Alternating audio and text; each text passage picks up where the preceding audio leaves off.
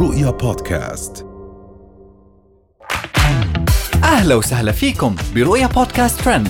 كل إشي بتحتاجوا تعرفوه عن آخر أخبار النجوم والمشاهير وأهم ترند صدر لهذا الأسبوع.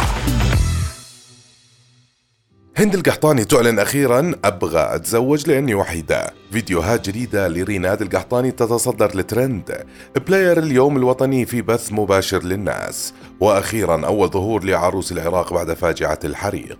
تصدر فيديو جديد لمشهورة السوشيال ميديا هند القحطاني الترند بشكل كبير في الساعات الأخيرة بعدما طلعت وهي تقول إنها حاسة بالوحدة حتى لو أولادها جنبها وعايشين معها. وقالت في الفيديو مثلي مثل أي وحدة تريد ونيس ورجال يدخل حياتها ويحسسها بالحب. وتصدر الفيديو حقها الترند بشكل كبير وهاي ما هي المرة الأولى اللي تلمح فيها هند القحطاني عن رغبتها في الزواج.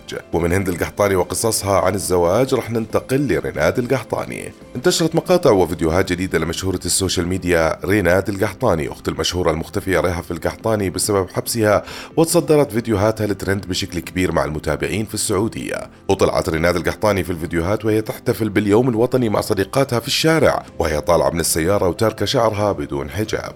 وكثيرا من المتابعين صاروا يسألون عن أختها رهف المختفية بدون أي سبب مقنع والغريب أن الكل متعود على رهف تحتفل باليوم الوطني السعودي وكل المناسبات الخاصة بالمملكة. ومن ريناد القحطاني راح ننتقل لبلاير. أثار موزع الحلوى السعودي المشهور ببلاير الجدل بشكل كبير على منصات التواصل الاجتماعي.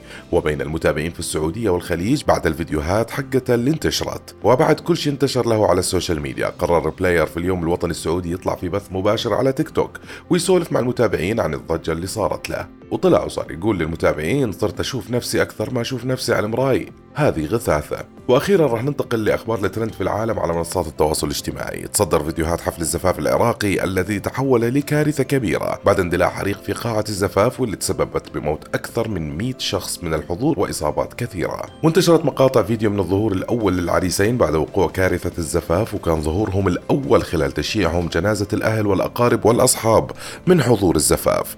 وانتشر الحزن على مواقع التواصل الاجتماعي في العراق والعالم العربي بشكل كبير بعد انتشار مقاطع مؤلمة من الحادثة. وهاي كانت أهم أخبارنا لليوم.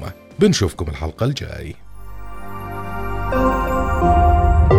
رؤيا بودكاست.